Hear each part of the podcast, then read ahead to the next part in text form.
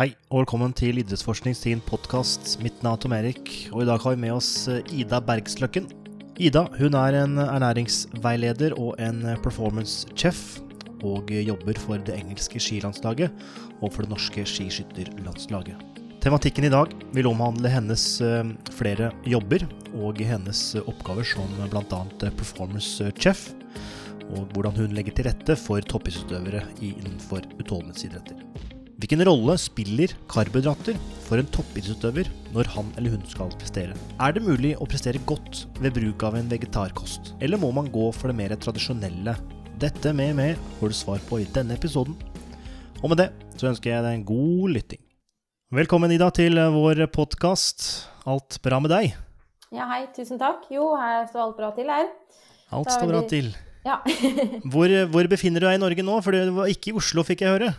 Nei, nå er jeg faktisk på et sted som kanskje ikke så mange har hørt om, men jeg er på et sted som heter Namnå, som er i Grue kommune. Det er født og oppvokst der. Men uh, pga. korona og litt hjemmekontor og litt uh, muligheter som dukka opp, så befinner jeg og samboeren min her på Bruker det som hjemmekontor, uh, i hvert fall ut denne uka her. Uh, så vi lever litt bygdeliv for tida og får trent godt og rolig rundt oss. Så det var en fin avveksling fra Oslo. Namnå, hvor er ja, den? Det er i Innlandet. Eh, så det er Mm. litt nord for Kongsvinger. Ok. Ja, så det er Riktig. veldig lite sted med lite som skjer, så det er fint for jobbing og trening. Så Er det nærme Løten? Ah, kanskje en liten Ah. time sør. Ok, ok. Ja. Ok. Ja, jeg skal ikke prøve meg på noe mer geografi. Nei. Eh, du Ida, du er eh, ernæringsveileder, kom vi fram til i prepraten vår. Eh, Ja. Der du jobber både i si, privat sektor, eller for Ola og Kari Nordmann, men Mm. også innenfor toppidretten både nasjonalt og internasjonalt, kan vi vel kanskje si. Mm. Men for å vite litt mer, om du kan fortelle litt om deg sjøl i form av utdanning og jobb. Ja, jeg er jo egentlig utdanna sivilingeniør, eller master science, innenfor byggeteknikk og arkitektur. Mm. Eh, der, det var jo ferdig som jeg var i 2012, så det begynner jo å bli nesten ti år siden. Eh, men jeg, var, altså jeg er jo veldig nerd, og veldig glad i å nerde og se hvordan ting henger sammen. Og det var liksom noe av drivkraften til hvorfor jeg likte realfag og å være ingeniør. Da, at jeg liksom kunne ja, hele tida løse litt vanskelige sammenhenger og ja, konstruksjoner og sånne ting. Eh, og så når jeg begynte som ingeniør, så falt egentlig den biten litt bort, syns jeg da. Så jeg ble sittende veldig mye bare sånn statisk foran en PC og gjøre det samme og tegne det samme og skrive rapporter. Og ingenting av det jeg liksom egentlig likte så godt eh, Mhm. med å være ingeniør. Det falt egentlig bort, da.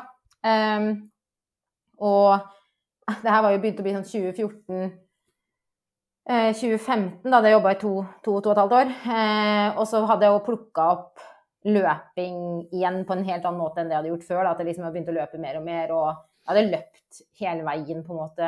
Jeg har alltid vært veldig aktiv på løping og liksom sånn Hva heter det? På et rekreasjonelt om, eh, På en måte på et eh, nivå, da. Eh, Mhm. Men eh, så begynte jeg å løpe litt mer, og i 2015 eh, så bestemte jeg meg for å si opp jobben. Det var jo litt Jeg gikk nok bare en liten og Jeg vet at hvis jeg hadde venta til jeg var 40 år med å jobbe som ingeniør, så hadde jeg sikkert gått på den klassiske 40-årskrisa. Så jeg tok vel egentlig og kjente litt på det og fant ut at jeg tok en sånn heller en litt mini-30-årskrise først, og avverga 40-årskrisa ti år for tidlig, da. Så da Ja, sa jeg faktisk opp jobben, og det var jo Det var et ganske enkelt valg, men samtidig vanskelig, hvis du skjønner hva jeg mener. Fordi det var jo eh, mye Det er jo trygghet å ha en ingeniørjobb og sånn, men jeg trivdes Mm. virkelig ikke og kjente at det var egentlig ikke det jeg hadde lyst til å nøle på. Jeg var egentlig innen idrett og ernæring og ja, å forske på min egen idrettskarriere, som kanskje var litt, litt på gang, da. Um, Mm.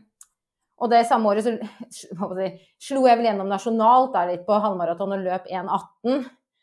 Um, litt sånn fra 1,24 et par år tidligere. Så det hadde i hvert fall skjedd litt. Og det her eh, ja, økte i hvert fall interessen for å se hvor god jeg kunne bli eh, på ja, annet halvmaraton, men også eh, løp andre distanser, da. Så da fikk jeg en liten sånn derre drivkraft der. Og så idet jeg sa opp som ingeniør og um, sånn, så var det litt tilfeldigheter som gjorde at jeg begynte å jobbe som en lunsjkokk for en bedrift i Oslo. Dekode heter de. Um, mm. veldig, og litt som inn i en sånn cateringbedrift. Og jeg syns det var så Altså, det var så gøy. Og liksom hele den logistikken og planlegge og lage digg mat, men næringsrik mat for liksom Det var en IT-bedrift. Uh, IT slash design, og liksom planlegge det. Jeg fikk en helt annen drive. Jeg følte liksom at jeg var min egen prosjektleder og liksom thriva litt. Og tror jeg fikk Ja, jeg fikk liksom snudd om på den litt dårlige trenden jeg kjente når jeg satt, satt på ett fast sted hele tiden og ja, mm. drukna i rapporter. um, så det var litt sånn Hva skal jeg si? Eh, litt tilfeldig, da, som jeg sa. Men så um, begynte jeg ganske raskt å bli ganske mye bedre på løping. Og så blei det forespørsler etter hvert som gjorde at Supermosjonister ville ha meg som på en måte trener, da. Eh, så da lagde jeg litt online-bedrift, sånn at jeg begynte med litt coaching eh, online da, på ulike kunder. Eh, og etter hvert som eh, de som spiste maten min og kom Eller kunder av den bedriften kom på besøk, begynte liksom å booke meg til private arrangementer, så plutselig var jeg hjemmekokk hos de, så det blei litt sånn til på, for, eh, på etterspørsel. Eh, så jeg lærte meg i hvert fall å lage mat, da, for å si det sånn, fordi det blei mye oppdrag etter hvert. Eh, mm. så kan vi egentlig bare spole litt fremover, og jeg kjenner jo at liksom, ja, jeg vil ta mer utdanning og eh, innenfor ernæring, da, og spesielt Jeg kjente jo dragen at jeg vil jo helst inn idrettsernæring, og jeg begynte å bli bedre og bedre på løping og var med, leste meg på alt jeg kunne komme over, og, um, og litt ja, koronaen kom jo nå, nå er det jo spurt mange år fremover, men da har jeg allerede løpt.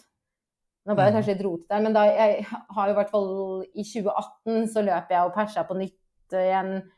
Først på 1,15 på halvmaraton, og så 1,14 samme året. Um, og kjente òg at liksom nå, nå hadde jeg liksom fått lov til å drive med det her i tre år, da, etter at jeg hadde sagt opp til ingeniør. Og så kjente jeg at nå Jeg hele tiden, sånn at jeg har hele tida lyst til å utvikle meg selv og lære mer. og hadde gravd såpass mye på egen hånd at jeg kjente at nå vil jeg ha en litt mer Jeg trenger òg et uh, å si, Ikke et bevis på at jeg kan mye, men jeg hadde lyst til å gjøre det um, Få et ordentlig studie på plass og mm. eh, ja, utvikle meg mer der og bli utfordra. Eh, og så var det jo litt sånn Litt korona, men òg pga. at når man er litt over 30 og ikke Det er ikke alltid sånn at man har mulighet til å ta åtte års utdannelse på nytt og liksom det var ikke egentlig noen utdanninger, det var ikke sånn klinisk ernæringsfysiolog jeg hadde lyst til å bli, og det var ikke noen i Norge som jeg syntes samsvarte med noe av det jeg hadde lyst til å ta uansett. Og så dukket det opp da eh, Diploma in Performance Nutrition, heter det. Mm, eh, mm. From the Institute of Performance Nutrition, som er et helt sånn online-kurs som man tar Du kan ta det fra liksom åtte Du kan ta det på så lite som åtte måneder, tror jeg, men liksom 15 måneder er litt sånn standard, da. Um, mm, mm. Og det er et Det var liksom et Altså, jeg så på forelesningslisten og hvem som var foreleser, og jeg er veldig sånn fangirl. Jeg følger med mange av de favorittforskerne mine og sånn på Twitter, da, og så kjenner jeg igjen liksom nesten alle navnene der. Og det var bare vanvittig bra, da, og veldig up to date på forskning, men også liksom det var å ta science into practice. Så det var fem ulike case studies som var real life settings, på en måte, som vi skulle gjennom i løpet av det studiet, i tillegg til mye, mye, mye sånn ja, science papers og eh, ja, andre forelesninger, videoforelesninger og diverse oppgaver så, og veiledere som var world class. da, Sånn at jeg mm. følte at eh, ja, jeg kunne ikke ha kommet til et bedre sted for min del. og følte at, ja, Det var noen som til og med spurte meg om studiet var godkjent i Norge og sånn, og sa at ja, men det, det får så være. fordi Mm. Det som er godkjent i Norge, er ikke nødvendigvis det som tar meg dit jeg har lyst til å komme. Mm. For jeg ville inn i performance nutrition, jeg ville inn i sportsernæring. Jeg ville på en måte rett inn på det. Og, så det her er jo en sånn postgraduate degree som mange som har eh, master i ernæring, også tar. Så jeg kan jo si at læringskurven var jo bratt til tider. Mm. Um, fordi jeg har jo master science, men da innenfor bygg og arkitektur. sånn at det er jo klart at, Jeg har jo en del biologi og sånne ting òg, men det er jo klart at jeg kjenner jo ettertid at det er ikke nå helt eh, uaktuelt å ta mer studier innenfor det, for jeg syns det er kjempespennende. da, Og har liksom bare lyst til å bli enda bedre og bedre og bedre, hvis du skjønner. Um, mm, mm, absolutt. Ja.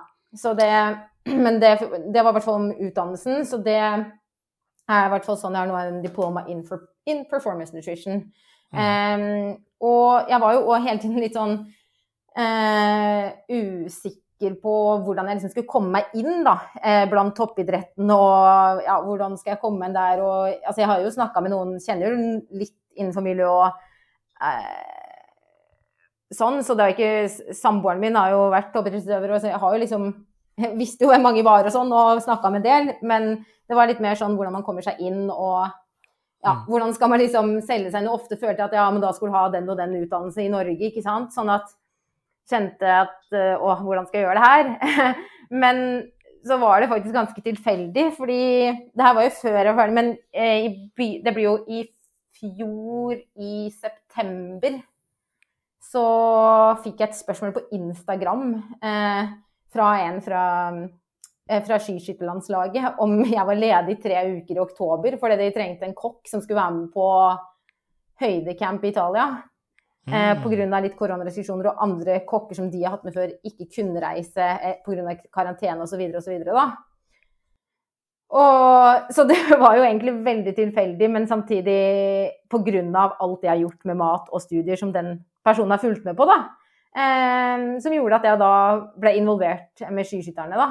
Um, eh, De så norske, antar jeg? Hva sa du? De norske? Ja, det norske skiskytterlandslaget. Ja, da var jeg med både herre- og damelandslaget til Lavassé i Italia i ja, nesten tre uker, sammen med støttemannskapet. da. Så vi hadde jo et helt hotell for oss selv. Eh, så det, ble, det var jo veldig, det var jo føltes så mye tryggere der oppe enn det var i Oslo at the moment. Og vi hadde liksom, det var ingen resepsjon, det var liksom oss. Og jeg fikk jo plutselig et helt, helt hotellkjøkken for meg selv, da. Så det har, jeg har aldri vært så heldig før på kjøkkenet jeg har hatt opp igjennom på ulike jobber. Så em, ja. Følte, følte du deg trygg eh, i den eh, situasjonen med et helt kjøkken for deg sjøl? Eh, det var egentlig litt sånn Å, shit, her har jeg mu- muligheter. Og jeg hadde jo sagt til meg selv, og folk har sagt til meg pass så ikke overkompliserer ting. Og jeg bare sånn Å, herregud, her er det muligheter til å overkomplisere ting. Det var liksom det første jeg tenkte. Så hodet mitt gikk i hundre og tenkte åssen kan jeg bruke alle de tingene inni det kjøkkenet her? Så det var jo klassisk overtenning, da. Um, men etter hvert Så det blei jo litt sånn Kanskje litt overkomplisering i begynnelsen, men så etter et par-tre dager så jeg, jeg ble ikke så stressa over det. Det var bare at ok, dette er et stort kjøkken, men du trenger faktisk ikke å bruke alle de maskinene som står her, selv om de er her, da. Så det var litt sånn jeg måtte si til meg selv. Ikke sant. ja. Eh, jeg tror eh, Matthew hadde et spørsmål her. eh, Ja. Uh, I kind of, I've kind of forgotten. no, um, I was just going to ask about what you said something about kind of fangirling Yeah. um, people. Um, what do you think is like the performance nutrition scene in Norway? Uh, like on how I So, if I how do you- understood right, it's almost like you did you feel like you had to seek kind of international education rather than looking at home? Yeah, because it's not because what what I Du kan feel svare på Ah, norsk. ja, ja, norsk, ja. Beklager. Sorry. Sorry. Tilbake til norsk.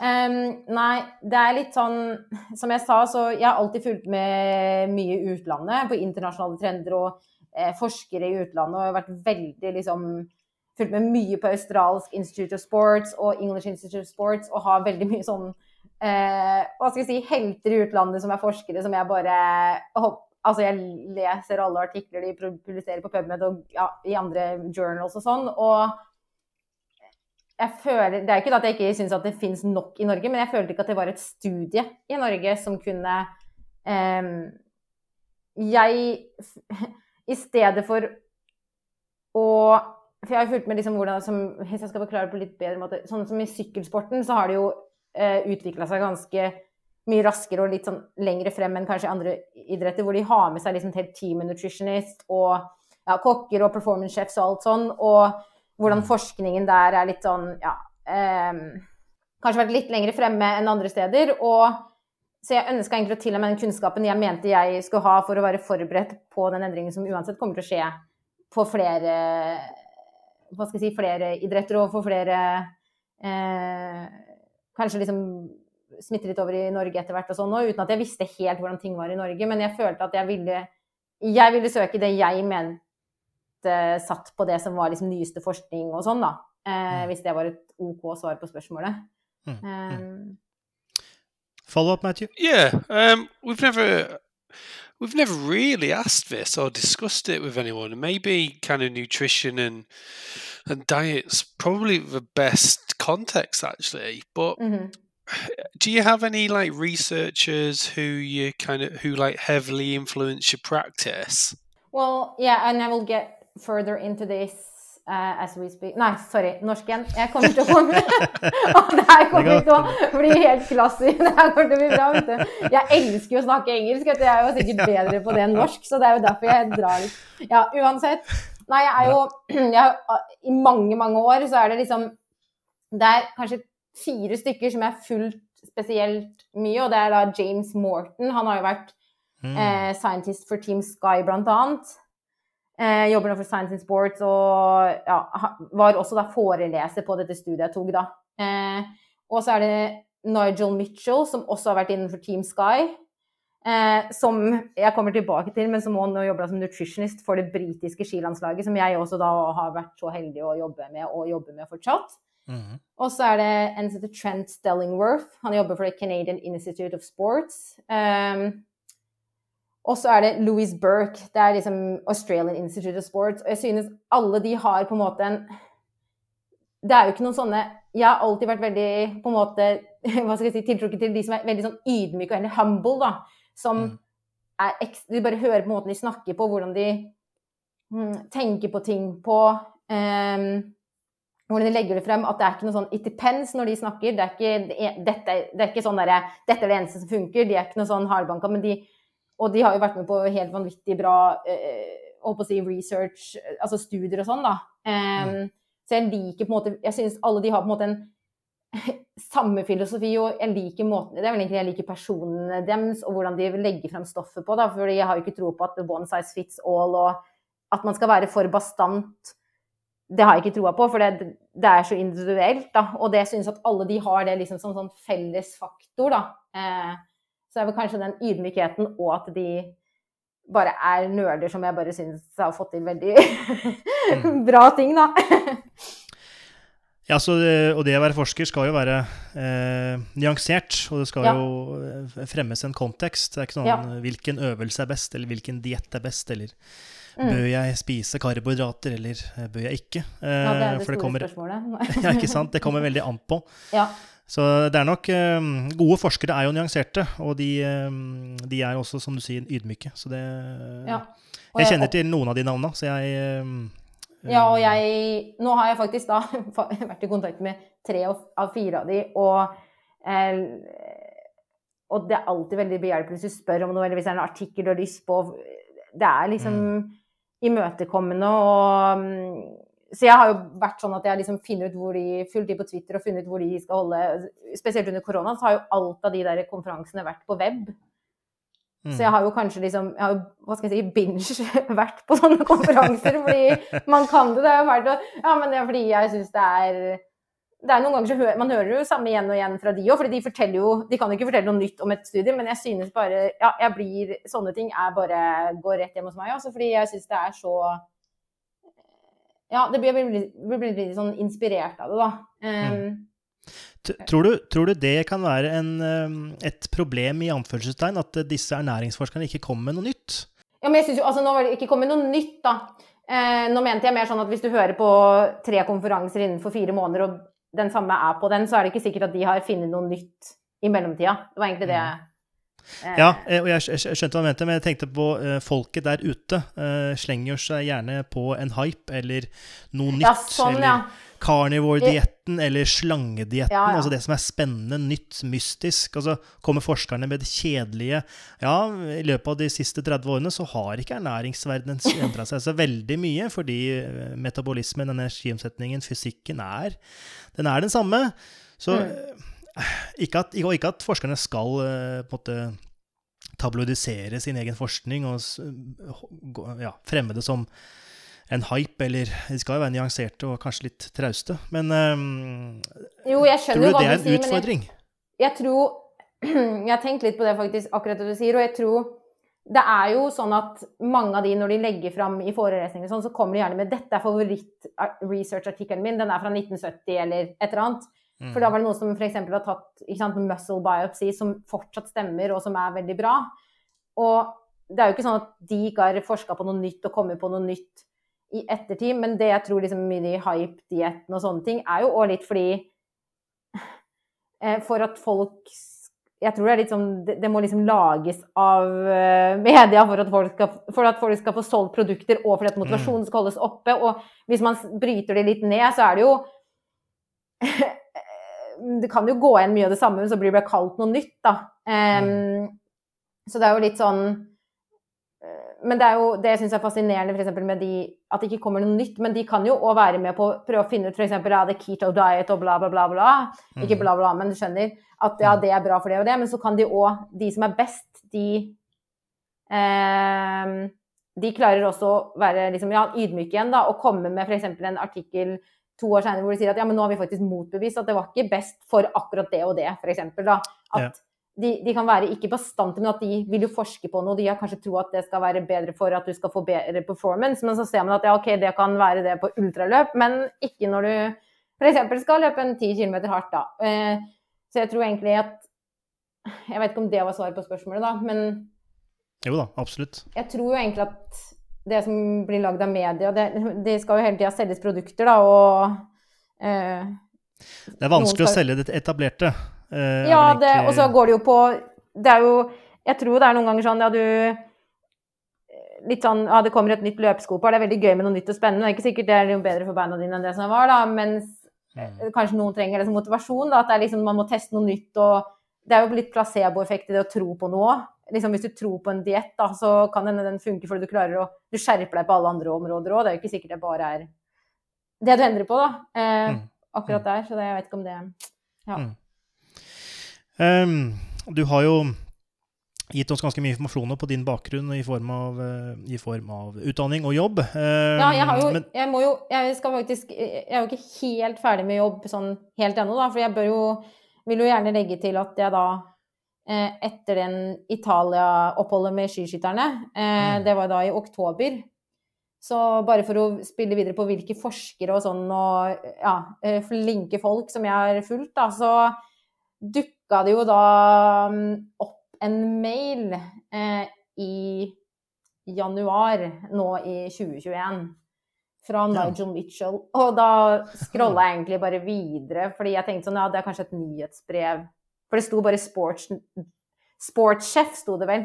mm, Og jeg tenkte sånn, ja, men det må være et nyhetsbrev brev som jeg kanskje har meldt meg på på han en gang. Sånn, og så tenkte jeg ikke så mye mer på det akkurat det når jeg drev og scrolla gjennom mailen der. Og så tenkte jeg for å sjekke, jeg må jo lese den, men det var da til meg.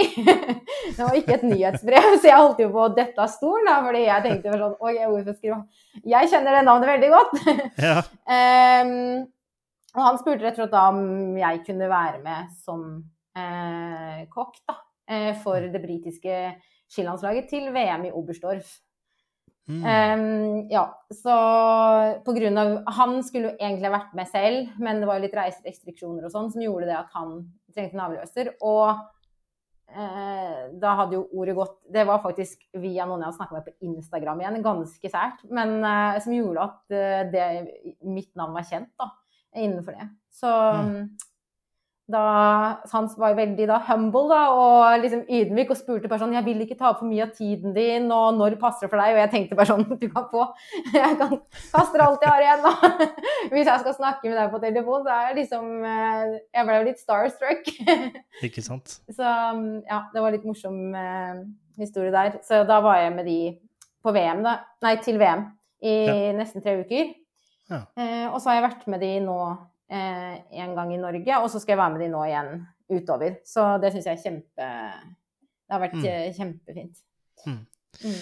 Hvis vi skal gå litt dypere inn i disse to jobbene, og da på landslaget, norske landslaget og det britiske landslaget, og Mm. innenfor ski og utholdenhet Mm. Ehm, Hva er jobben din? Altså, består det i å lage mm, frokost, lunsj, middag og kvelds, eh, eller er det mer enn som så? Nei, foreløpig så har det jo vært eh, det.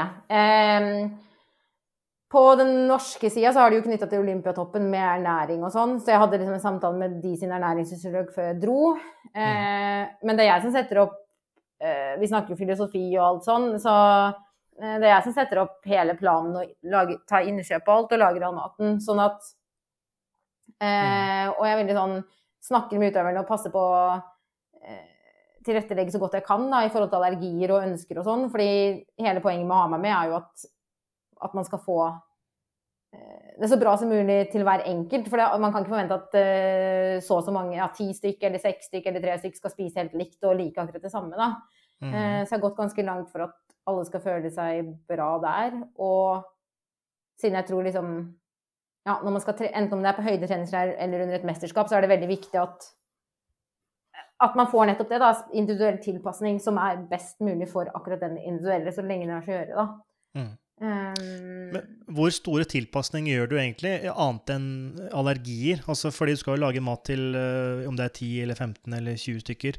ja, Det nei, blir jo det, mye mat til slutt. Jo, det, det er mye mat. Eh, altså det jeg gjør, og prøver så godt det lar å gjøre, fordi det er jo det er ikke sikkert alle skal trene likt, det er ikke sikkert alle har helt like preferanser på Vi har jo kommet såpass langt i, i samfunnet nå at eh, det er jo kjent at man nå Noen vil ha mer karbohydrater, noen vil ha mindre. Selv om du trener mye, så kan det hende at du vil periodisere litt. Kanskje du skal ha hviledag. Kanskje du da ikke ønsker å starte dagen med grøt. Kanskje du vil ha egg. Altså, det, det, det, er snakk om, det er ikke så store tilpasninger, men jeg prøver så langt Til grøt så har det vært ganske Nei, til grøt, tror du. Til frokost så har det vært ganske sånn standard, men med ulike variasjoner eh, som topping. Det har liksom vært grøt. Det gjelder begge lag, egentlig. Eh, Mm. Kanskje litt annerledes på konkurransedag ut fra hva folk har lyst til, og det tar jeg bare med den enkelte utøveren der og da, eller dagen før.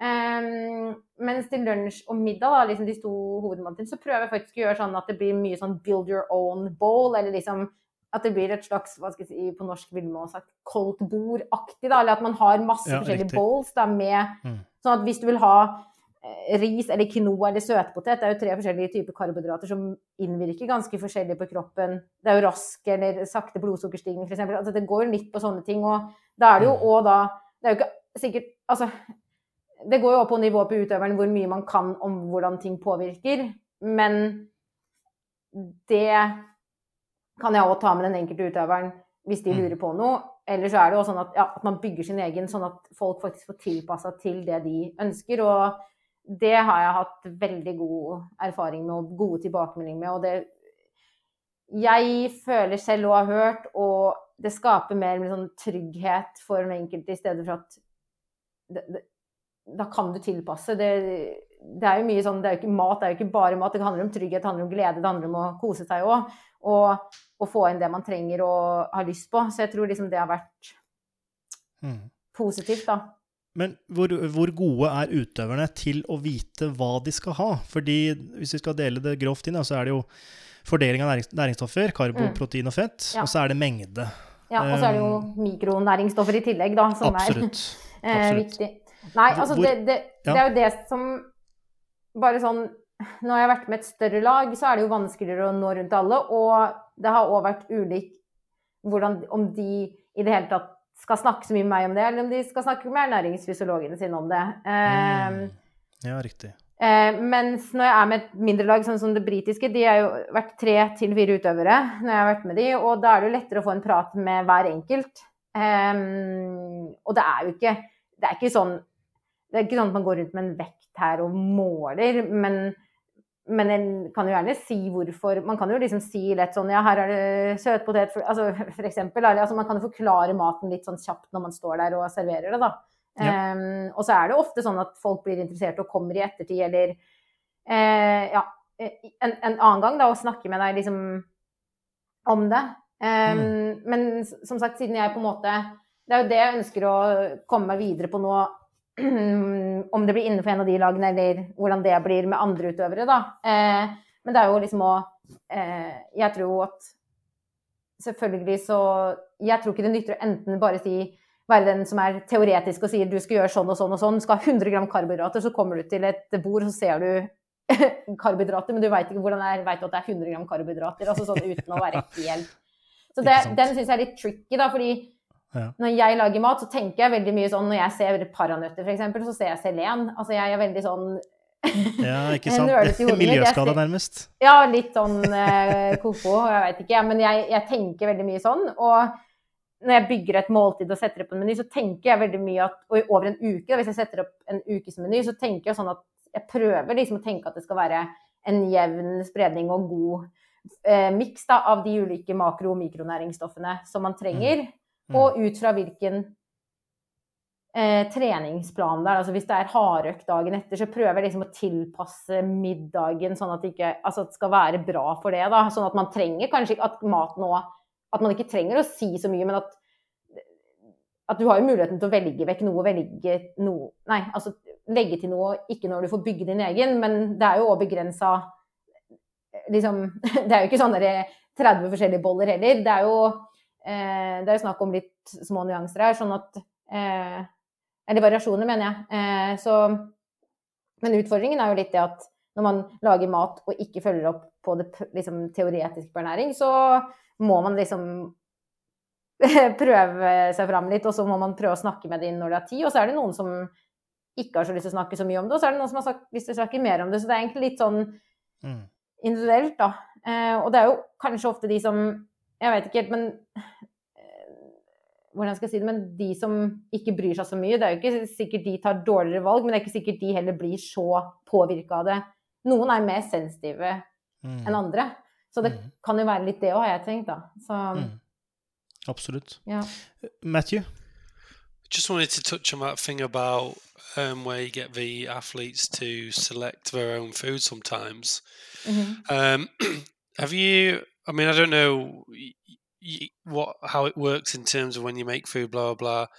Are you like watching athletes selecting that kind of stuff? But I'd be interested to know if you've noticed when the athletes you're working with get to select their own lunch, for example, Mhm. how their choices might change based on their based on their sessions.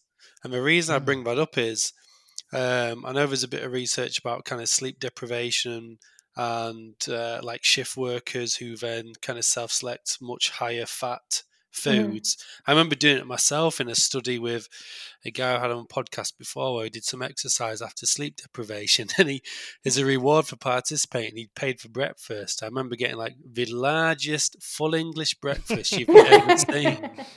I'm surprised I didn't have a heart attack after.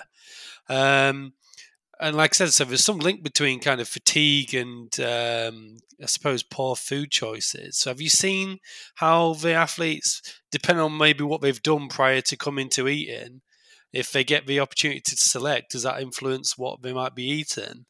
Mm, ja, altså jeg tror jo jeg tror jo det, men nå skal ikke jeg liksom sette meg på en eh, høy stol her og bare Jeg lager aldri dårlig og usunn mat, men jeg lager jo mat som Det er jo ikke sånn at jeg setter du ikke fram Enten så går du til høyre, der får du en skipsskål, eller så får du grønn salat. Det er jo næringsrik mat, men med mulighet til å velge. Jeg tenker Når du får velge, så er det mer om du vil ha ikke sant? Noen kanskje klarer seg og har lyst på søtpotet og quinoa, mens noen trenger mer raske og mer carbs og har lyst på litt ris. Altså sånn, det, det er bare sånne små nyanser der som jeg tenker eh, på. Men det er jo klart eh, Det er jo faktisk litt forskjell. Noen når de blir slitne og sånn, så tar de kanskje dårligere matvalg, men noen får jo også mindre appetitt. F.eks. etter en veldig hard økt.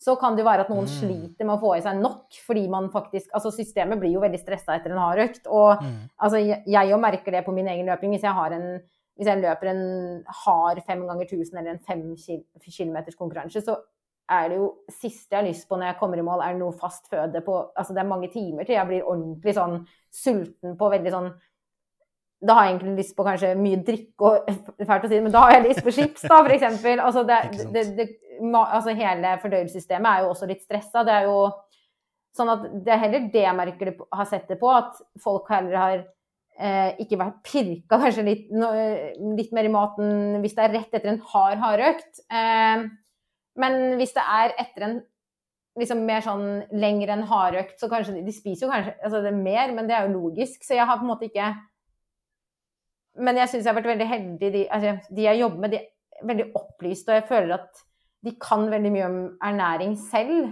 eh, og hatt veldig tett kontakt med eh, nutritionisten og sånn, sånn at jeg føler at eh, at det liksom er litt naturlig for de å ta bra valg. Jeg vet ikke om det var et bra svar, jeg. Du legger opp til det, det er vanskelig å gjøre et dårlig valg, da, på en måte? Ja, altså det er jo ikke noe dårlig valg der. For jeg, jeg, jeg, lager alt fra bunnen av. Jeg er veldig sånn Hvis jeg først skal være med, så skal jeg ikke bruke Jeg bruker ikke halvfabrikataboser. Altså, vi ler fortsatt litt av en gang i VM, for da kjøpte jeg en teriyaki-saus. Det var liksom det eneste jeg kjøpte fra som var ikke fra scratch. og det blir jeg mobba litt for. da, at Det er sikkert den eneste grunnen til at det ikke Hvis det går dårlig, så er det pga. den der teriyaki-sausen som jeg ikke lagde fra bunnen av. Så etter det så kommer jeg jo Altså, nå blir alt laget fra bunnen av. Men eh, det er jo litt sånn matfilosofien min var fra før av òg, og for min egen del òg, at du, du, trener to ganger om dagen, men du spiser fem. Og hvis du har litt halvfabrikat og litt tilsetningsstoffer og litt ditt og datt i hvert måltid rundt det, så blir det ganske mye i løpet av en tid, for du spiser mye. altså Det går inn mye kalorier når de er på treningsleir, f.eks. Det er mye mat inn, og det er ikke sånn at eh, en og annen gang er noe krise eller noe sånt, men det er jo litt sånn Jeg er veldig sånn på kvalitet og innholdet, da, fordi ikke sant mm det er jo ikke bare sånn at ja, du skal få i deg nok karbohydrater for eksempel, fordi du skal prestere, men du skal også ha i deg mikronæringsstoffer altså, og mineraler og vitaminer, så du kan restituere etter den treninga du har gjort, og konkurransene. Sånn at du mm. faktisk liksom Etter en konkurranse så er det sånn um, Nei, etter en hard trening så vil du ha eh, adaptation, så du vil jo ha noe ut av treninga du gjør. Så jeg tror liksom det er viktig å prestere og få inn din altså, typ, ja, Karbohydrater vet vi er viktig for høy, høy, intensitet, men jeg tror at for at du skal eh, restituere på riktig måte og kunne holde trøkket oppe da, over så lang tid og hold, fortsette og fortsette med den harde treninga, så er det jo viktig å liksom Jeg tenker mye på liksom det, ja, de mikro- og makronæringsstoffene som skal inn for å støtte det òg, da. Mm, mm. Mm, og det syns jeg er veldig spennende. Og jeg tror liksom at én gang utskeielse, én gang du glemmer å får deg nok proteiner etter en hardøkt, eller om du liksom en gang du ikke passer på så bra og du drar på McDonald's. Altså, det er ikke den ene gangen som utgjør det, men det er liksom de småtingene man kan gjøre hver dag. Det man spiser mest av, da, det man gjør hver dag, det er de tingene som man liksom gjør mest av, og som man kan eh, være mest påpasselig med. For det er jo Det skal jo liksom smøre maskineriet òg, så mm, mm. Mm. Absolutt. Matthew? Um, you said something interesting about maybe when we've done a particularly fatiguing session, some of these athletes you work with might struggle to get enough, basically enough calories in. Mm-hmm. So, do you like? Um, I don't know if you've got maybe like some strategies to um, help with that. I don't know. I'm just thinking like things like smoothies a solution yeah. when they're too tired to eat, for example. Yeah, yeah. Så det her er jo Og litt sånn eh, for, for, min egen Altså, jeg, det er jo klart at jeg har jo fått testa mye på meg selv òg, da. Som jeg har jo blitt ganske god, eh, i hvert fall på nasjonalt nivå med 1,14 på halvmaraton og sånn, og har jo fått liksom kjent mye på det selv. Og min, mitt triks er at hvis jeg har en hardøkt og Altså, hvis det er et løp, da, og det er på slutten av sesongen, så har det kanskje ikke så mye å si hvor godt du henter den etter henne. Da kan du liksom tillate deg selv å gjøre veldig mye dårlig jobb i et par dager med nutrition. For da skal du slippe deg ned, og det er liksom ikke noe noe du skal hente deg inn til. Men hvis det er i en hardøkt, i en bra treningsperiode hvor du skal holde deg frisk og holde immuniteten oppe og eh, få noe ut av økta, så er det jo viktig å få inn Protein er jo veldig viktig etter de harde økter, og litt karbohydratpåfyll for å liksom eh, få musklene til å regenerate. Da. Og mm. eh, for min egen del så er det jo Og så, så veit jeg jo at jeg er veldig litt sulten etter sånne hardøkter, men jeg er jo tørst og syns det er greit å få i seg en smoothie. Og da er det sånn at til og med tarmene og magen og alt sånt. Altså alt blodet 80% av eh, blod, blodtilførselen til tarmene som liksom skal fordøye denne maten, det går jo vekk til muskulaturen når du er høy eh, nei, på høy intensitet. Eh, og det er ikke sånn at det med en gang du stopper, så er det liksom tilbake og ruller og går som vanlig. Det kan ta litt tid. Så liksom logikken min og ingeniørhodet mitt og tenker jo liksom òg at det å få inn seg en smoothie, da, da har du allerede på en måte kverna opp maten, sånn at du, fordøyelsen trenger ikke å være så veldig den trenger ikke å være så flink da, akkurat da. Du har liksom allerede hjulpet liksom fordøyelsen litt i gang med å, mm. eh, ved å kverne det opp, eh, sånn det er lettere opptakelig.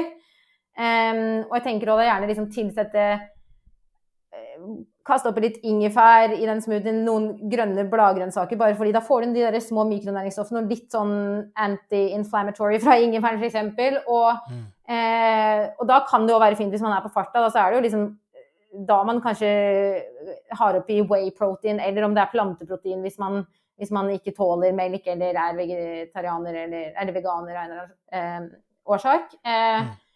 Og så er det jo frosne grønnsaker og f.eks. mango, ananas eller, ja, eller banan da, oppi der. Eh, så det trenger jo ikke gjøres vanskeligere. Så jeg tror liksom Nå har ikke jeg vært med eh, det- Det er jo ofte sånn at fra før av så tar jo noen utøverne kanskje inn sånn recovery smoothie på eh, rett etter treninga. Så der, der er jo ikke jeg. Jeg er ikke ute i felten, liksom. Så Men eh, jeg tror det er eh, viktig å liksom tenke at hvis man får i seg noe sånt nå, så er det jo ikke helt krise om det går et par timer til man faktisk blir litt mer sulten, og heller da klarer å spise den lunsjen i stedet for å sitte og pirke i det, da. Mm. Mm. Eh, Så jeg tror liksom at noen ganger så Det er jo viktig å få i seg noe med en gang, men jeg tror òg at det er ikke fal... Det er liksom ikke Så lenge du ikke skal konkurrere dagen etterpå, at det er veldig sterke krav til at muskelglykogenet må fylles på så fort som overhodet mulig, da. Eh, så da vil det bli Da må man kanskje være litt mer sånn at da må man tenke mer drikke og få inn mye karbohydrater raskt og sånn, men hvis det er en vanlig treningsdag dagen etter og det er bare litt dårlig matliste her, så handler det om å liksom prøve å få inn noe. Og så vente til systemet roer litt, sånn, sånn at man faktisk på en måte jobbe på lag med magen og systemet, da, enn å liksom mm, trykke innpå før det liksom er eh, Før det er matlyst i stedet. Så Mm. jeg tror liksom at Ja, jeg tror det er noe liksom man kan tørre å tenke er greit. Fordi det er jo logisk å vente til Det er dumt å Det er jo litt sånn man spiser jo ikke mat, en tungt måltid, en halvtime før man skal ut og løpe, fordi da vil jo maten ligge ufordøyd i magen, så å si. Eh, man venter jo gjerne en og en halv til to timer, i hvert fall på løping, da, eh, før man begynner i hvert fall litt høyere intensitet. Så Mm. det går an å tenke litt sånn motsatt vei, men det er absolutt viktig å prøve å få i seg noe. Så det er ikke det jeg sier at man ikke skal spise noe, for det, det vil jeg understreke. Men, eh, men eh, at det går an å tenke litt sånn, det Absolutt. absolutt. Men der er det jo òg litt sånn at jeg jo gjerne skulle eh, Siden det er litt sånn mange, da, og det er flere som har trent, og det er, noen er ulikt, så blir det jo sånn at man må prøve å tenke at man får lage noe som alle Eller lage en variasjon da, som gjør at alle kanskje får seg noe da, som er på det lunsjbordet, f.eks., etter den hardøkta. Så det er jo utfordrende å få det til å stemme overens med alle, da. Men da går det jo an å snakke med, hvis man ser det, da. og at en utøver ikke får i seg nok mat pga. at man ikke er sulten fordi man har tatt i. Og så, jeg har jo snakka med utøvere om det, og sånn, og ja, det er fordi jeg kjenner det hver, hvis du hører det, jeg kjenner det hver gang etter en hardøkt, så kan man jo bare avtale med den utøveren at neste gang så kan vi jo prøve, så kan du komme og få den smoothien i stedet for, så ser du om det blir bedre. Mm. Um, for jeg tror det er viktig, da. At det, det er jo ikke, man skal ikke ta alle inn under én. Noen klarer det helt fint, uh, mens andre sliter. Og det er jo ikke sånn at man trenger liksom ikke å Man kan jo Det er jo ikke noe stress å slenge sammen en smoothie til én person, liksom sånn, da. Hvis man skal ta smoothie som eksempel. Så jeg tror egentlig det, det viktigste her er jo egentlig, som jeg har lært den jobben, er jo kommunikasjon, da. Fordi hvis man kommuniserer med utøverne og støttemannskapet og lærer liksom hvordan ting Snakker med de som har jobba med de før og sånn, så kommer man ganske langt med det. Og det er veldig ydmyke folk som er idrettsutøvere her òg, så, så opplever liksom at veldig stor takknemlighet og sånn. Og de er flinke til å si ifra når de På en fin måte, altså, men de er flinke til å si ifra når de trenger noe, når de ikke er fornøyd, eller om de er fornøyd. Altså. Så det er liksom kommunikasjonen som trumfer, tror jeg. Ehm, I jobben din som uh, jeg holdt å si prestasjonskak, eller performance chef, uh, både hos det norske og det engelske landslaget, så møter du utøvere av eh, ulike kaliber, og eh, kanskje begge kjønn til og med, det får du nevne etter hvert. Mm. Men um, ulike utøvere tar jo både gode og dårlige valg. Mm. Og er du, er du overrasket over noen av de valgene utøveren gjør uh, i, når de da selekterer mat, eller kommer med spørsmål til deg i etterkant? Er det noe som du får litt sånn wow, dette, dette vet jeg ikke helt hva som svarer på, eller dette var veldig overraskende, du må jo ha i deg karbohydrater, eller noe som sjokkerer litt, da. Eh, både positivt og negativt. Ehm, ja, eller du Ja, jeg har vel egentlig ikke Jeg har ikke vært noe veldig negativt, og hva skal jeg si, negativt overraska, egentlig. Jeg har vel egentlig Nå har jeg jobbet på en måte mest med det britiske laget. Eh, Mm. Der har jeg og det er jo der jeg skal være med mest fremover også. Eh, I hvert fall så vet jeg en del campere sånn frem mot OL da, eh, i Beijing i 2022. Og mm.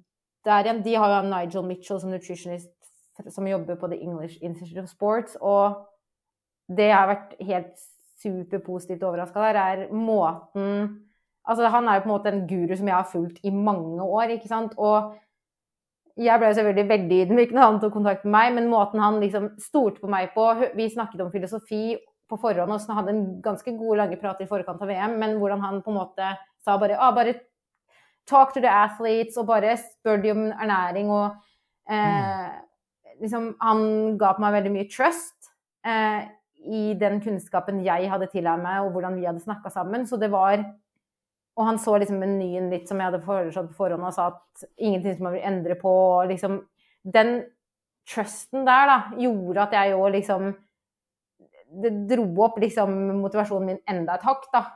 Og den var stor nok fra før av, så jeg fikk jo bra overtenning der òg. Men, eh, men, eh, det var en veldig sånn, god overraskelse for meg. Og eh, ja, bare mm. hvordan hele det samspillet der var, da. gjorde det til veldig trygt trygg grunn for meg å jobbe på, og hvor jeg fikk utfordre meg, selvfølgelig, men at jeg følte liksom at Ja, sånn som jeg nevnte på en måte innledningsvis angående at jeg var usikker på hvordan jeg skulle komme meg inn i det, og at jeg måtte ta det valget at ja, jeg har ikke lyst på det å ta et studie via Norge, jeg hadde lyst til å gå ut til utlandet, da, fordi det var liksom der jeg følte at det var der jeg ville hente min kunnskap fra. Så føltes det som plutselig hadde gjort et veldig riktig valg der, da. og um, at jeg liksom hadde Plutselig satt jeg der bare et halvt år etterpå og hadde kommet meg dit jeg ville, på en måte, da. Eh, jeg ser at Matthew sliter litt med nett, eh, nettet sitt, men han lurer på om du har prøvd å gi brunost til de britiske utøverne noen gang? Nei, jeg har ikke det, men eh, de alle, eller tre av de bor i de tre som var med i VM, de bor jo i Norge. Så jeg tipper at de har fått inn en skive brunost på egen hånd. Så jeg har faktisk sett at Jeg har ikke prøvd å gi det til de, men jeg har sett at de har tatt en skive på brødskiva til kvelds her uh, på en camp. Så um, de er nok kjent med det. Ja. Men det er godt å høre at ja. de blir, får litt innflytelse. ja. Um, vi har litt sånn uh, overordna snakka litt om det, eller vi har vært litt inne på det, dette med karbohydrater. Mm. Um, du nevnte, eller hadde en liten kommentar tidligere om, om om man skal gjøre det, eller eh, innta det eller ikke. Eh, og når jeg tenker på utholdenhet, og jeg tenker på toppidrett, så tenker jeg selvfølgelig på karbohydrater. Og det har ja. blitt nevnt her i form av søtpotet, quinoa og, og, ris, tror jeg det var. Ja.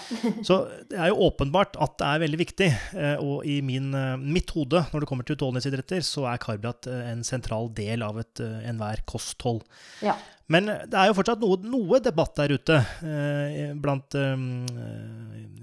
keto-forskere, eller jeg vet ikke helt hva jeg skal mm. kalle de, men de som da forsker på lavkarbo og kanskje nullkarbo. Mm. Og gjerne da på ultramaraton. Mm. Um, ja, der fall... kan det jo være hold for å faktisk benytte det, da. Så ja. man får holde den ja, litt ut Altså jeg tror vi skal skyve den litt ut av den uthold utholdenhetsbobla vi kanskje skal snakke om. Mm, mm, mm. ja, absolutt.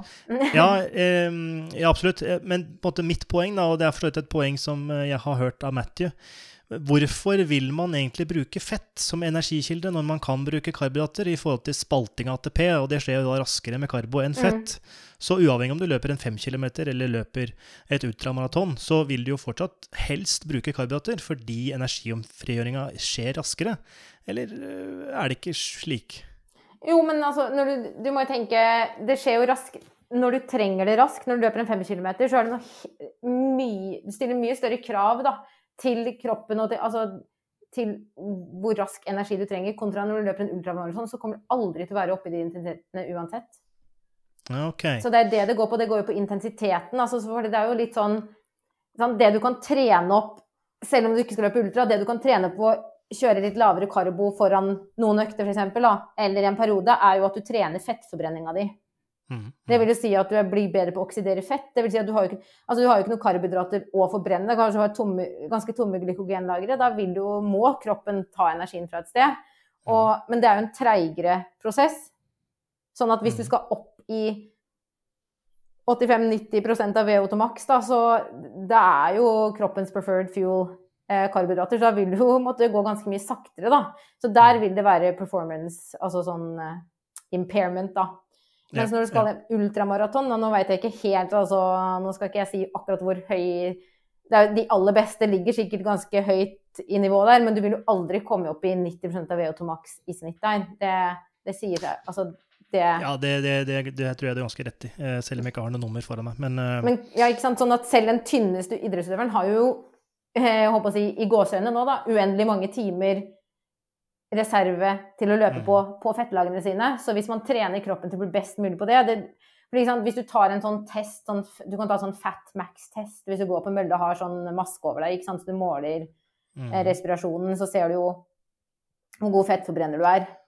ja, hvor det bikker over en. Ja, og der er det jo liksom sånn Kanskje typisk så ligger vel de man på sånn rundt 60 til 65 Men den kan man jo skyve lenger opp ved å trene, periodisere karbohydratene. Og si at du skal løpe en ultra Nå kan jeg ikke si Altså, jeg har ikke lest nok om ultra sånn og veit akkurat hva man løper i, i snitt der, men da si at det er om man begynner på 70 da, av VO2 max og går opp mot 80, så kan du jo spare på de glykogenlagrene veldig lenge ved å være fett, fett, fat, fat, bedre fat burner, da, hvis jeg kan si det på engelsk. Mm, Eh, Så det er litt det det går på. Så man må jo, det er veldig, det er veldig farlig å sette liksom, ketogent eh, kosthold fungerer ikke, eller det fungerer. Det er veldig farlig å si det, for du må jo ha din kontekst. Um, og jeg er jo heller fan av Det er jo, litt, det er jo James Morton, da, igjen eh, Nå kommer fangirlen frem her igjen, men det er jo han som kanskje har claima det begrepet jeg synes er best eh, av å beskrive hvordan man skal spise karbohydrater, og som jeg er veldig fan av, og som er ikke så veldig vanskelig egentlig, da, men det er jo 'fuel for the work required'. Ja. Eh, Det vil jo si at på samme måte som at du trener jo ikke, eller de fleste da, de trener jo ikke likt hver dag. Du sier at du har intervall annenhver dag, da. Så er det jo litt sånn at man må tenke på hva er det jeg skal Hva er meningen med det måltidet her? Hva er det jeg skal fuele for? Skal du ha Hvis det er på en mandag og du har intervall på tirsdag, så bør man jo kanskje legge til litt ekstra karbohydrater da på mandag kveld til middag for å sørge for at glykogenlagrene er fylt opp til intervalløkta på tirsdag. Em, Mm, for det er mm, mm. dagen før du gjerne skal tenke på hva du skal fylle opp på. For hvis det er bare, du får, hvis det er bare snakk om at du skal få inn en frokost før den økta, så er ikke det nok alene til å fylle opp muskellagrene. Det vil jo i all hovedsak være med på å fylle opp eh, leverglykogenet som blir tappa i stor grad over natta. Da, fordi hjernen trenger jo fuel og ja, kroppen bruker jo fuel over natta selv om man ligger i ro. Em, så da er det litt sånn at man fueler til de øktene, eller fyller på karbohydratlagrene til de øktene som man trenger det, og sørger for at For da får man mest utbytte av de da, når du skal over terskel, liksom. Så da kan du eh, løpe med bedre kvalitet og virkelig naile øktene. Og så hvis det er Altså, nå mener jeg ikke at man skal gå no carb, det tror jeg ikke nødvendigvis man trenger, da. Fordi jeg tror at når man trener, hvis man er idrettsutøver, altså endurance athlete, da, og trener to timer om dagen, så er fortsatt Lavkarbo vil jo fortsatt nesten være 100-150 gram om dagen. Vil være veldig lavt på karbo, fordi du bruker jo så mye energi uansett. Mm. Eh, Er så det det er jo, såpass mye? Ja. ja, altså, ikke, ikke arrester meg på noe absolutt her, men hvis du tenker etter, så er det sånn at ja eh, relativt messig. en, disse low carb og keto-diettene er jo mi, mindre enn 50 gram om dagen. Mm, Og ja. da må man også se hva de studiene er basert på. Det er ofte basert på recreational eller ja. sedentary people. Så det er jo Mm.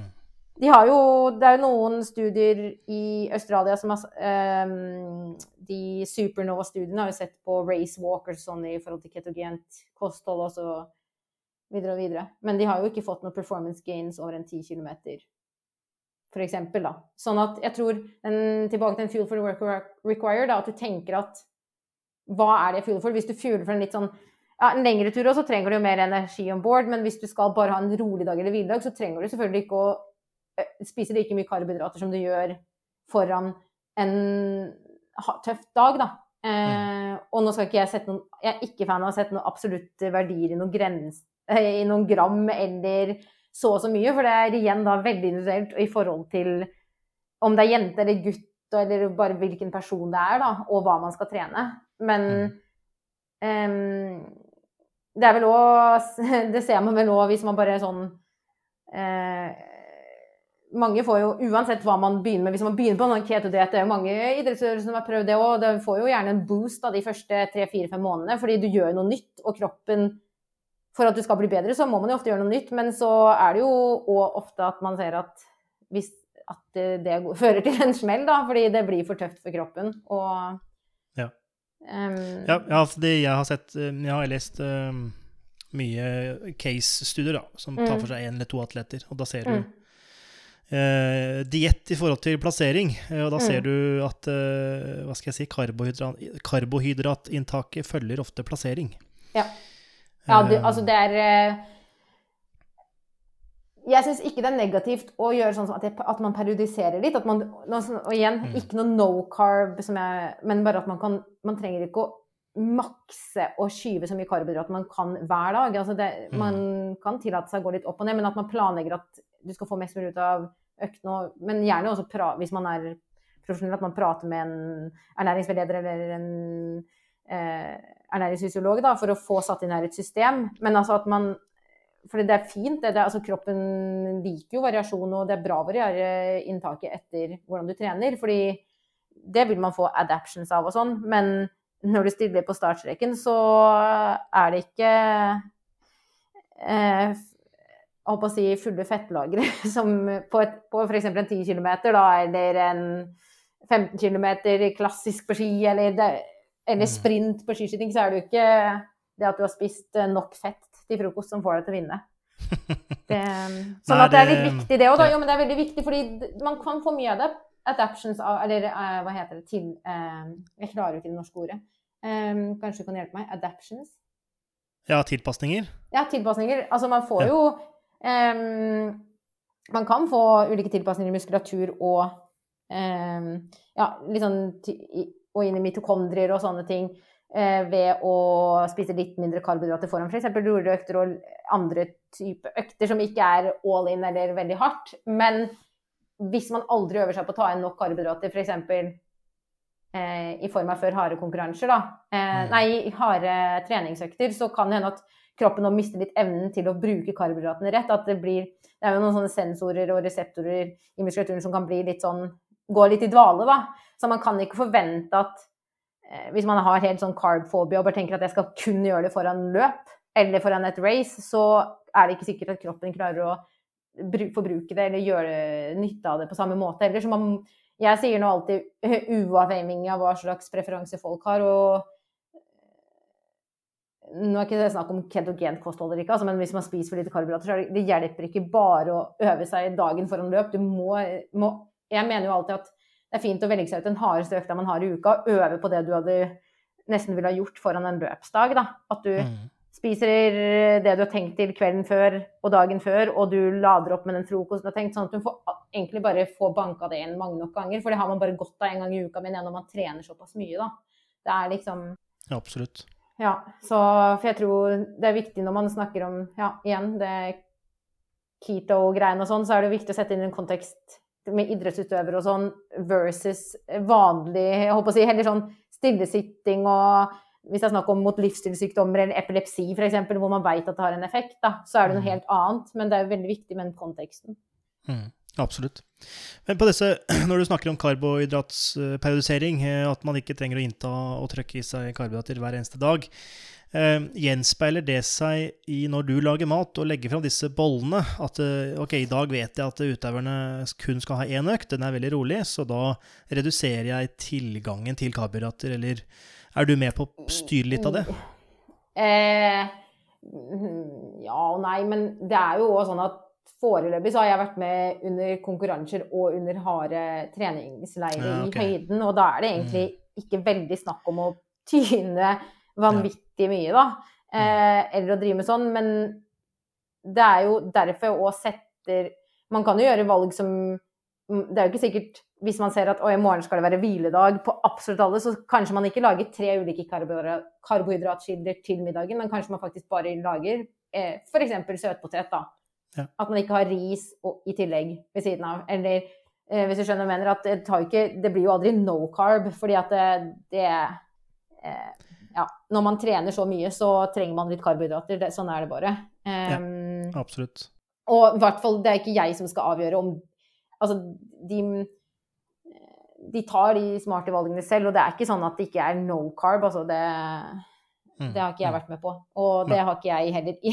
Jeg har ikke vært for slem at jeg har tatt vekk alt sånt, så jeg er ikke noe forkjemper for det på den måten. Men med det jeg mener at man Når jeg sa at man ikke spiser karbohydrater like mye hver dag, så er det jo snakk om hvis det er foran en, ra- et race eller en hardøkt, så kanskje man tar ekstra risporsjon til middag, eller liksom spiser rice pudding til Eller sånn riskrem eller sånn til dessert, eller et eller annet sånn at man da gjør man jo ikke det, da, for eksempel. At man, man legger ikke til ekstra kilder, da.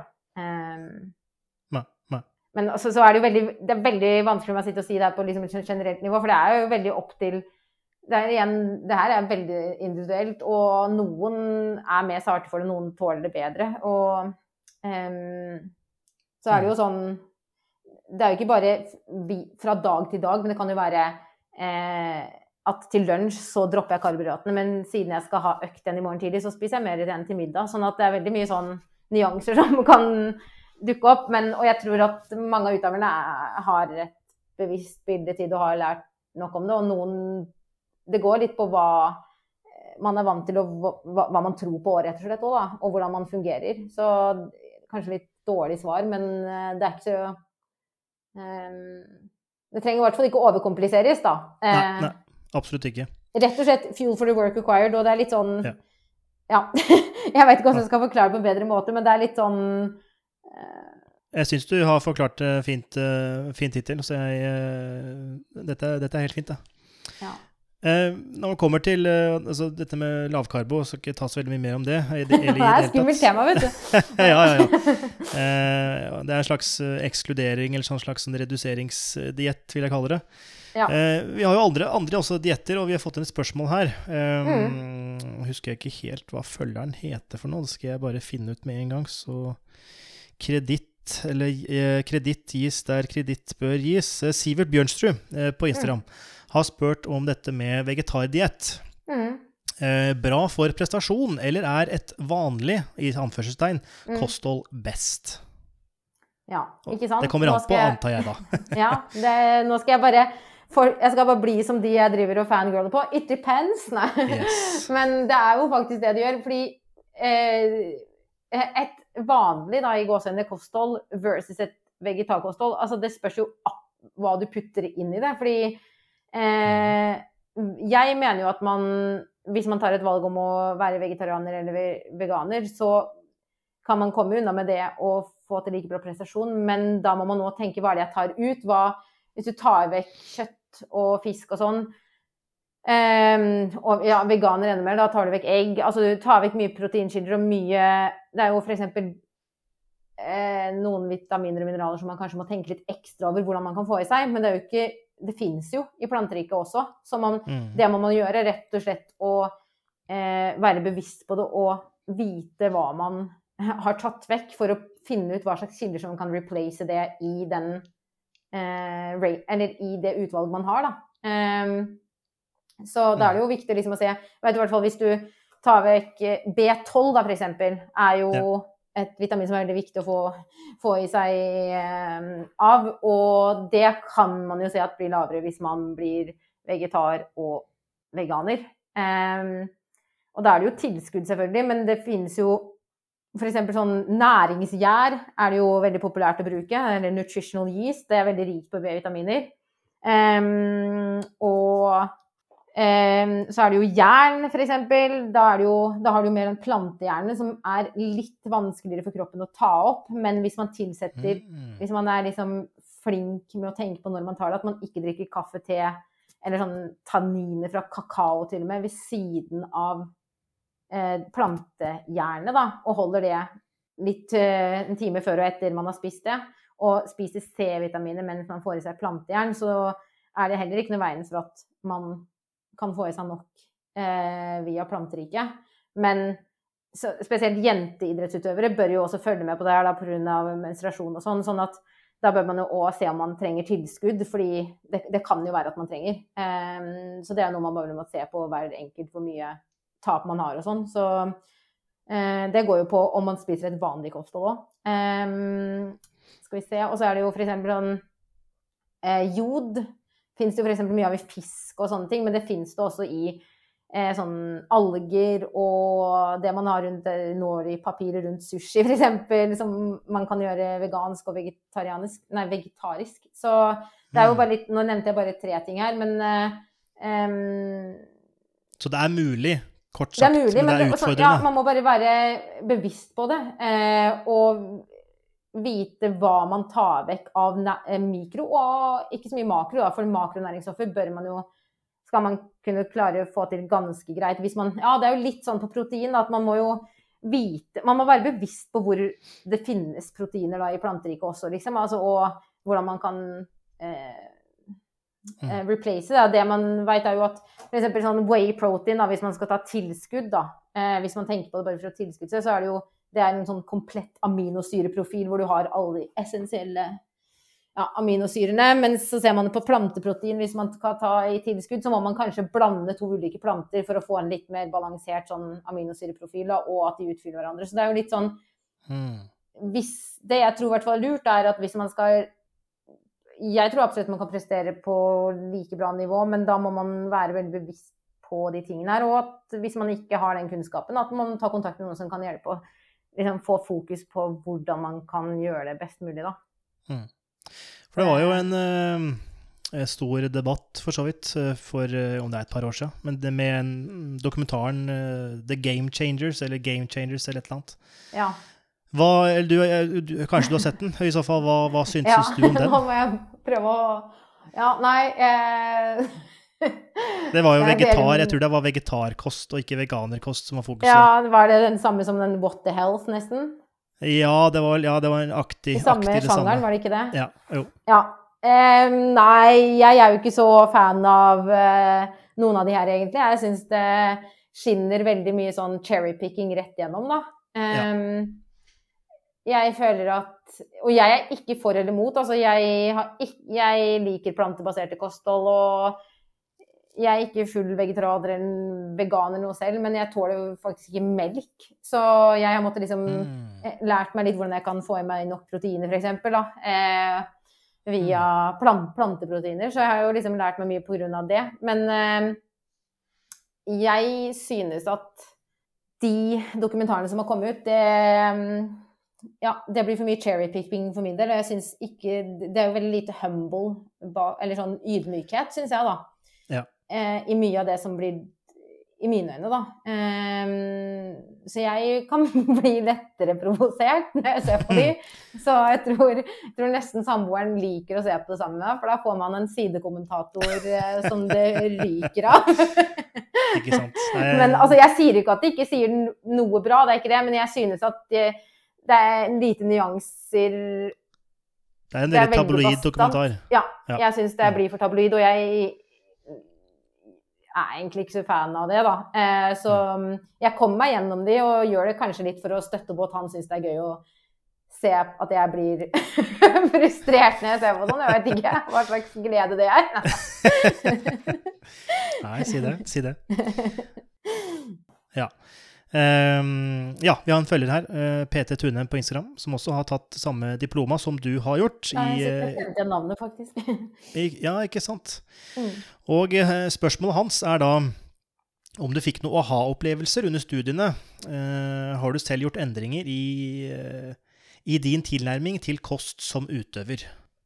Eh, ja, jeg fikk aha-opplevelser, jeg vet ikke, men jeg lærte i hvert fall mye mer om eh, relative energy deficiency in sports og uh, Hva skal jeg si Jeg føler at uh, det jeg har lært, gjør at jeg skjønner hvorfor jeg f.eks. stagnerte. Jeg gjorde det veldig bra i 2015, og så ville jeg vel litt for mye på kort tid som løper på et år, da, så jeg uppa jo mengden veldig mye. Og var sikkert ikke flink til å få i meg nok rundt noen av øktene der. Så da gikk det jo dårlig et år, og kroppen ble ganske stressa. Så sånn i ettertid så lærte jeg vel litt sånn Ja, der eh, Om det var relative energy deficiency in sports, vet jeg ikke helt, men eh, jeg fikk i hvert fall litt ha- aha-opplevelser tilbake i tid der, da. Um, Hvis vi kan stoppe litt Ja. uh, det begrepet, eh, kan du bare kort forklare hva det er for noe?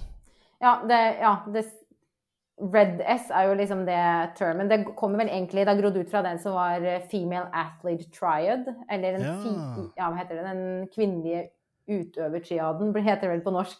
Ja, Eh, så det har liksom vokst ut fra det. For før så var det jo liksom bare basert på jenter og mensen og bortfall av mensen og beinhelse. Og så har det jo nå blitt til en helt sånn eh, stor forgreining, da, mot som de, de ser jo også konsekvenser for menn, da, som er litt vanskeligere å fange opp, nettopp fordi vi har jo liksom eh, menstruasjon som eh, en ganske god indikator, da. Eh, mens eh, hos gutter så er det litt vanskeligere å fange opp eh, på den måten, da. Og at eh, Så det går liksom på eh, Det går jo på alt fra liksom Det er jo på metabo metabolske, det går på psy psykologi det, det er mye ulike måter det kan slå ut på, da. Så det er vel egentlig at du får i deg for lite i forhold til hva du forbruker. Eh, Ja, riktig. ja. Mm. Så da Jeg har lært veldig mye videre, men for å svare mer, så er det jo òg den derre som jeg har blitt, fått aha-opplevelse på, eller i hvert fall blitt mer bevisst på, er den forskjellen på energy balance og energy availability. At man Energibalansen er jo mer inn og ut av det du forbruker og det du På trening og det du tar inn, mens energy availability er jo den energitilgjengelighet der på norsk, er jo et uttrykk de liksom har brukt for å se hvor mye energi du har tilgjengelig til kroppens prosesser etter du har tatt vekk det du har trent, da, hvis du skjønner. Så, Ja, ehm, og det er jo litt sånn nytt begrep som det fortsatt er litt igjen å forske på. Liksom hvilke grenser og hvilke cutoffer man skal sette. Da. Men da ser man i hvert fall Det er jo ikke lett å få målt helt nøyaktig, for da skal du ha inn hvor mye du har spist, du skal ha inn hvor mye du får forbrent, og du skal ha inn hvor mye fat-free mass. Altså hvor mye fettfri masse eh, i kilo du har. Og det er jo veldig mye feil Kan fremkomme mye feilmålinger underveis, så det er jo veldig lett le- Mye lettere å gjøre på en lab da, enn å gjøre det i, i real life. Så Mm. Men eh, nå ble kanskje det litt rotete, da, eh, fortalt. Men det var i hvert fall det jeg liksom lærte eh, mest om der, som jeg på en måte Ja. ikke hadde lest så mye om på forhånd, da. Mm. Jeg tenkte liksom på Female Athlete Triad, og så var jeg ferdig med det. Og fælt å si det, men jeg syns heller ikke det var så interessant, fordi det har finnes så lite forskning om det. Men pga. at det har blitt litt mer sånn, og nå skal vi forske på jenter og ja, eh, hormoner, så har det òg dukket opp mer. Da. Så det har liksom vært litt spennende å følge med på, uten at jeg synes at det er det. Jeg synes jo fortsatt også at uh, fuel for the work required og uh, carbohydrate periodization er liksom veldig spennende, da. Så um, Men ja, det er liksom det jeg har tatt med meg mest Ja. fra studiet. Mm. Supert. Jeg føler at vi nærmer oss eh, slutten på podkasten. Eh, føler du, Ida, at du har snakket om det du ønsket å snakke om i dag?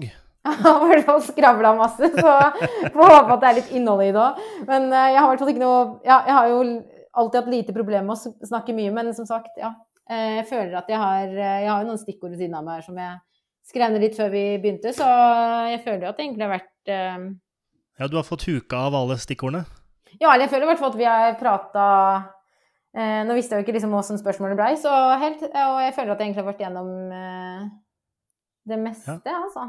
Mye og mangt. Absolutt. Ja. Masse informasjon og god informasjon. Og interessant å høre om din eh, reise fra ingeniør til uh, presta prestasjonskokk, hvis jeg skal bruke Ja, det norske i- ordet. Ja.